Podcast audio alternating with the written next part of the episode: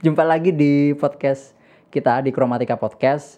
Saya Arif selaku host kali ini dan Kromatika Podcast adalah podcast yang akan memberikan edukasi terkait properti pada teman-teman generasi muda, generasi milenial dan harapan kita semakin banyak yang teredukasi, teman-teman juga bisa semakin smart untuk memilih properti. Dan di samping saya bersama saya ada Halo teman-teman, saya Irfan Arianto. Dan kita akan bahas kali ini masih di seputar modus penipuan di dunia properti.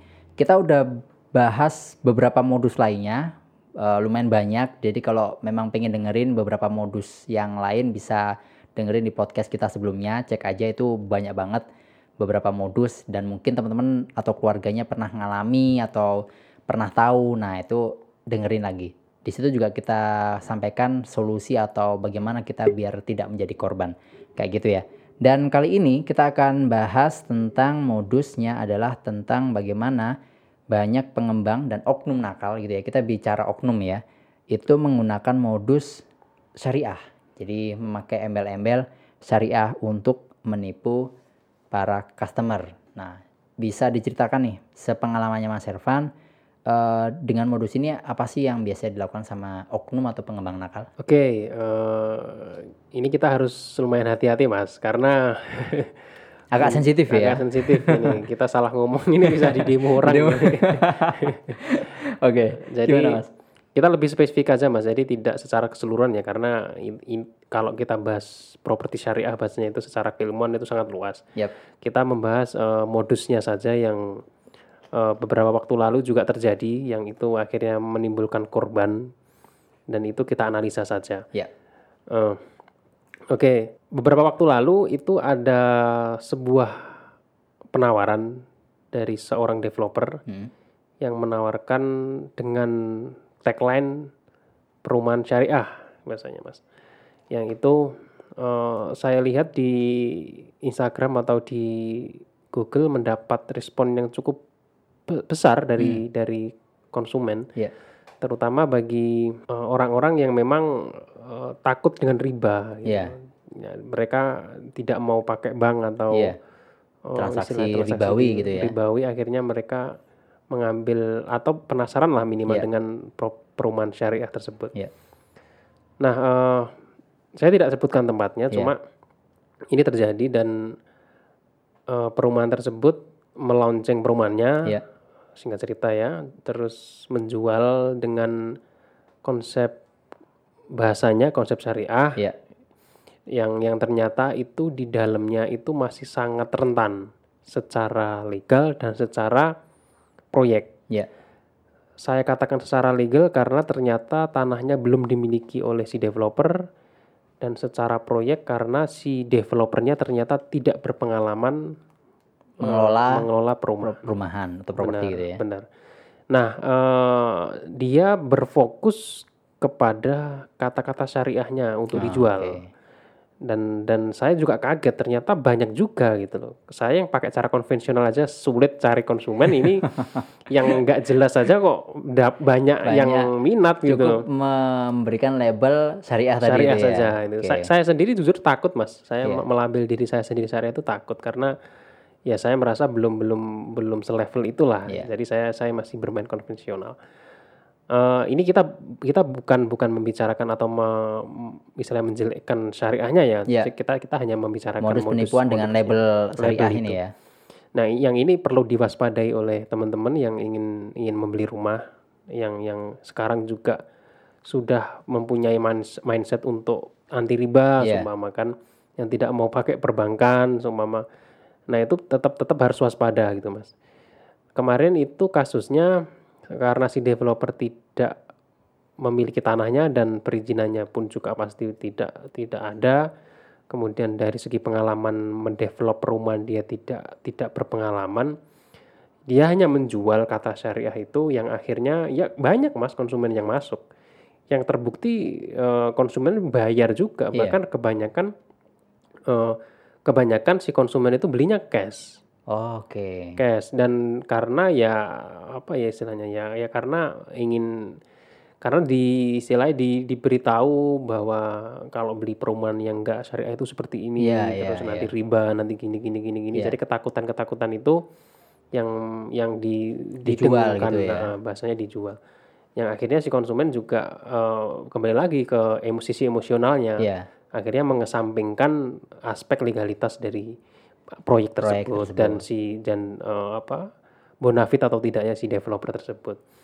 Nah singkat cerita banyak konsumen yang beli cash ataupun yang in house, in house itu dicicil ke developer. Jadi kalau di konvensional itu nyicil itu kadang di bank KPR, KPR, kalau di sini tidak si developer itu berani eh, memberikan cicilan sampai 15 tahun. Jadi misalnya saya customer karena ini anti riba, maka saya tidak menyetor uangnya ke bank mana pun, Tidak memakai sistem KPR tapi saya akan menyetor uang saya kepada developer. langsung Itu namanya in-house. in house. Nah, eh, in house-nya itu juga eh, istilahnya dengan akad-akad yang sudah disiapkan oleh si developer. Hmm. Terlepas dari akad itu sudah sempurna atau belum, tapi saya rasa ketika saya baca akadnya bagus, Mas. Hmm. Dan saya lihat eh, istilah bahasa-bahasanya, terus dendanya ah, tidak ada dendanya, Oke. terus kalau ada keterlambatan, ke- terus kalau ada gagal bayarnya, Hmm. cara ngatasinya gimana, itu bagus Mas. dari segi sistem istilah sistem MOU-nya lah ya. MOU-nya. Cuma ternyata gimana Mas ya? Ada satu proses yang bagus, tapi Iya. di belakangnya itu yang yang belum bagus ya apa Oke. tadi ya legalitasnya itu, yang padahal itu krusial. Iya, Nah si developer itu ternyata fokus kepada akad akad. dengan si konsumen dia tidak peduli dengan tanah yang dia dapat jadi hasilnya bagus tapi cara mendapatkannya kan tidak bagus Hmm. nah ini ini kategorinya apa ya ya kita kita, kita serahkan lagi ya Iya. ke, ke- Jadi pengelolaannya sebenarnya yang mismanagement ya. Jadi akadnya udah oke, memenuhi misalnya oke kita sebutlah memenuhi kaidah syariah, tapi ternyata pengelolaannya yang tidak memenuhi kaidah syariah Iya, yaitu eh, harus amanah, harus harus profesional gitu kayak gitu ya. benar secara kemil- pemilikan lahan juga harus sudah dimiliki oleh Oke. si si developer dan itu itu nah eh, singkat cerita kemarin kejadian bahwa setelah karena tanah itu belum milik si developer eh, dan konsumen sudah memasukkan uang atau membayar ke developer Iya. dan ternyata si developer itu uang dari konsumen itu dibang untuk membangun lokasi itu kawasan Iya.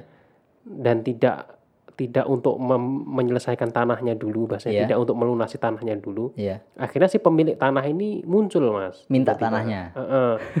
di tengah di, te- Iya. di tengah project muncul teriak bahasanya kan bahasanya teriak bahwa minta uangnya Oh, Oke. pertama minta uangnya Iya. mas karena eh, kok aku belum dibayar lah ini Iya. sudah dibangun tanahku kok- udah dibangun Iya, kok aku belum dibayar. kok aku belum dibayar gitu nah akhirnya eh, timbul masalah mulai timbul masalah di situ akhirnya ya awal-awal masih ditutupi mas karena masih ada Iya. negosiasi cuma negosiasi-negosiasi tanpa real membayar dikasih uang si pemilik tanah itu Iya. kan ya balik lagi ke pemilik tanah ya mana hak hakku Iya. kamu sudah menikmati itu bahkan Iya. aku aku nggak tahu uang uangmu itu memang kamu masukkan ke untuk bangun kawasan ini semua atau kamu pakai yang lain oke. eh, untuk pribadi untuk Iya. bahkan untuk beli tanah lain kan tidak Iya. tahu juga pemilik Iya. tanah. Nah ketika pemilik tanah komplain, akhirnya si developer kalah mas karena secara kepemilikan kan masih pemilik tanah. Tanah. Oke. Nah sedangkan eh, sudah ada konsumen. Iya. Nah Ya terus sudah bayar. sudah bayar. Nah akhirnya di sinilah mulai timbul polemik. Hmm. Polemiknya eh, yang jelas eh, konsumen bingung kan mas ini Iya. loh, ini kok tanah kok tiba-tiba kok tanahku misalnya diplang mas akhirnya Iya. diplang karena aset orang kok Iya. dibangun kayak gini nggak ada izinnya nah akhirnya konsumen bingung gitu nah ketika bingung nah rame itu lah ini kenapa ini kok kok jalan masuk perumahannya kok diplang kok Iya. ada ada bahwa tanah ini dalam sengketa nah Iya. Oke. Nah itu akhirnya kembali lagi yang dirugikan siapa? Konsumen mas. Konsumen karena dari awal dia tidak aware dia termakan bahasanya tidak termakan ya bahasanya eh, dia pakai emosional saja Iya. tidak tidak tidak melakukan hal logis yaitu ngecek perizinannya sertifikatnya. Oke. Nah itu itu menurut saya ju- fatal juga Iya. dan dan kita sebagai konsumen nah, balik lagi harus harus berpikir smart berplay smart juga bahwa kembali lagi harus legalitas dan perizinannya harus di cross check lebih dahulu kalau sudah kejadian seperti itu nah itu itu pelik mas itu akhirnya si konsumen minta uang kembali dari si developer developer sudah tidak punya uangnya Iya. karena uangnya Udah dijadiin. sudah jadiin di situ dan ternyata dibelikan tanah di lokasi lain Oh, tidak untuk menyelesaikan Bayar tanah itu Tanah jadi di situ. eh, ada ya biasa mas eh, idealisme seorang pebisnis itu kan pengennya ekspansi Ya, ketika ada uang besar nih besar. eh, masa tak bayarin tanah untuk satu ini enggak lah Iya. aku mau tak belikan tanah lagi untuk ekspansi nah Ya, itulah yang menyebabkan kita itu harus selektif memilih developer memilih eh, perumahan apakah developernya itu sudah berpengalaman atau Iya. sudah pernah mengerjakan project. perumahan lain atau masih baru nah semua kita hitung gitu jadi sebagai konsumen apalagi rumah itu hajat besar kita Iya.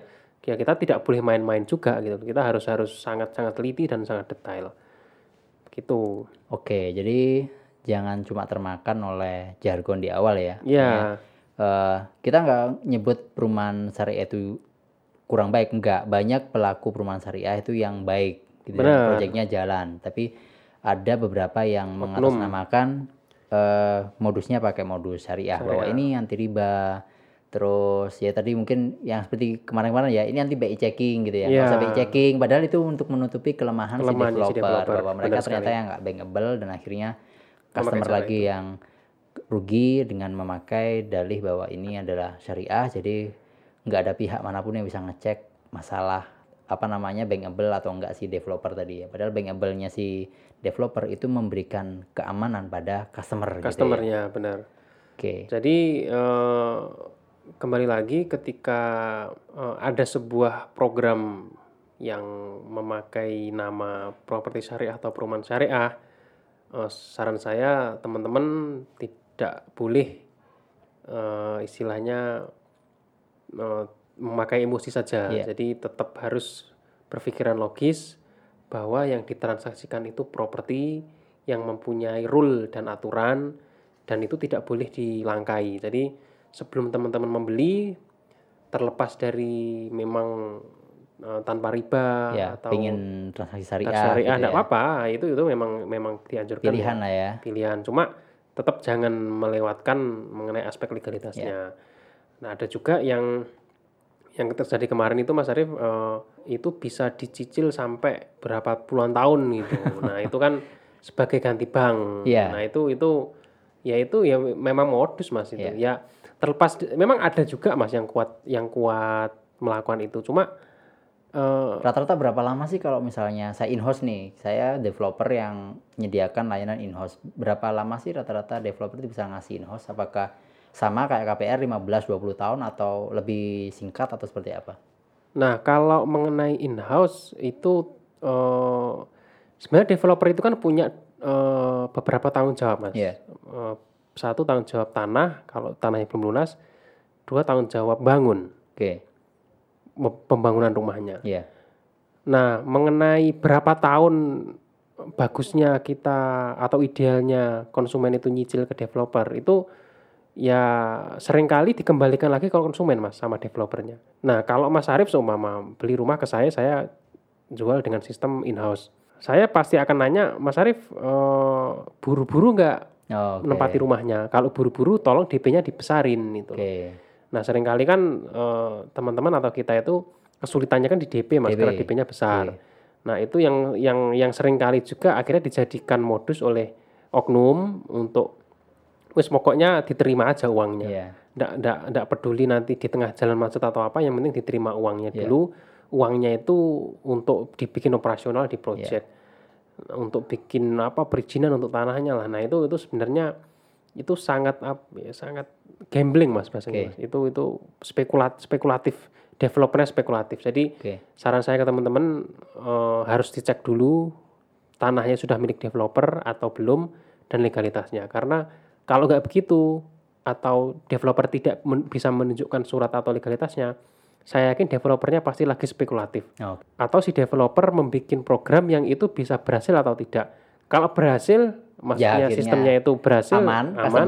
Kalau Kalau tidak berhasil, ya udah buntung gitu untung. Nah, eh, kemungkinan 50-50 mas. Iya. 50-50 itu sangat sangat sangat buruk menurut ya. saya. Iya. Karena kemungkinan berhasilnya ada, kemungkinan gagalnya ada. Itu Iya. itu eh, 50-50 itu sangat Iya. sangat sangat sangat Beresiko di sisi beresiko, kons- ke konsumen lah Konsumen, ya gitu. Dan Saya ada temen yang dia pakai yang syariah misalnya, otomatis dia nyicilnya harus dalam jangka waktu yang lebih pendek daripada KPR kayaknya karena misalnya hanya tiga tahun atau lima tahun untuk lunasnya aja karena bank aja hanya berani ngasih 5 eh, 15 sampai 20 kalau Iya. misalnya ada perseorangan yang bisa ngasih lebih dari bank itu sebenarnya gede banget kan kapital dia misalnya kayak gitu kan padahal tadi dijelasin Ervan padahal di project itu harus ada beli tanah dan juga bangun rumah gitu ya. Bangun, plus ya. bangun kawasan ya Iya, itu bangun bangun. fasum fasos lah gitu gitu jalan dan lain-lain jadi coba dipikir baik-baik bahwa kalau memang ada ya tawaran-tawaran yang bisa cicil sampai 15 20 tahun itu mungkin butuh ditinjau ulang gitulah ya Iya. bener nggak gitu Minimal tetap prinsipnya eh, surat dan legalitas harus, kemudian eh, kita harus menanyakan satu hal yaitu ketika kita bayar surat siapa yang megang Oh, oke gitu. Nah, jadi dari situ kan ketika kita transaksi kan kita harus tahu tuh sudah ada belum suratnya. ya Kalau ternyata sudah ada, oke kita bayar. Nah, kalau kita selama 10 tahun memang nyicil ke in-house ke developer, ya ya kita harus tanya. Ketika saya nyicil, Mas, di tahun setahun 1 2 3 sampai umpama hampir 10 tahun sebelum saya lunas, posisi surat ini di mana gitu loh. gitu ya Jangan sampai surat itu di developer karena kalau surat itu di developer itu bisa dipakai yang lain-lain, jadi Oke. agunan dan lain-lain yang disekolahkan lagi lah ya. Akhirnya yang rugi ke konsumen lagi. ya Yang paling aman ketika kita mencicil atau ngangsur suratnya ditaruh notaris. ya balik ke Balik ke- awal kita Benar. dulu bahwa setiap ada perjanjian atau apa pun harus di depan notaris, di depan notaris. jaminannya juga ditaruh di notaris Jaminannya Jangan di notaris. ditaruh di salah satu pihak yang Jangan salah satu pihak. berkaitan gitu ya Benar. entah itu di developer maupun di customer, Customer. kalau di developer customer nanti nggak bisa ngakses kalau ada apa-apa kalau di customer developer misalnya Benar. itu juga nggak bisa ngakses kalau di customernya disekolahin gitu juga. Iya. jadi paling aman adalah di notaris Ya, dan gitu ya. dan itu itu sangat fair Mas Arif. Karena eh, sebagai sebagai kalau disimulasikan kan si konsumen membayar, ya konsumen membayar tapi belum lunas. ya betul Kalau kalau belum lunas ya tidak boleh toh megang Memiliki, sertifikat, oke. belum boleh. Nah, makanya ditaruh di notaris. Si developer pun itu sebagai bentuk komitmen, Mas. Iya. Jadi jangan sampai si developer sudah menerima uang tuh ya dari konsumen. Suratnya malah disekolahkan, ya. disekolahkan lagi. Nah, itu kan tidak komitmen pinter gitu ya. Ya, itu tambah pinter. suratnya Suratnya yang pinter. Oke, Gitu. nah itu eh, bahasan kita kali ini. Jadi ternyata ada juga modus-modus yang berkedok label syariah gitu ya, anti riba dan lain-lain. Tapi tetap teman-teman harapan kami tidak terbawa unsur emosional, tapi tetap dipakai logika. Kalau bahasanya Mas Irfan adalah tetap harus think smart, play smart kayak gitulah Benar. ya. Jadi pastikan prinsip dasar properti itu terpenuhi legalitas aman, kalau ada perjanjian di notaris gitu ya, Benar. agar terhindar dari modus-modus penipuan. Penipuan. Nah, ini adalah modus penipuan terakhir yang kita bahas dari seri modus-modus penipuan di properti. Tapi kalau teman-teman punya pengalaman atau punya saudara atau punya eh, kenalan yang pernah menjadi korban atau pernah dengar penipuan-penipuan properti yang lain yang belum kita bahas di seri kita, silakan aja, feel free aja email atau kontak kami via Instagram atau yang lain. Nanti akan kita bahas bareng-bareng agar kita bisa edukasi teman-teman yang lain dan tidak jatuh korban Ya, gitu ya. Jadi benar. tujuan kita buat podcast ini adalah mengedukasi sekali lagi.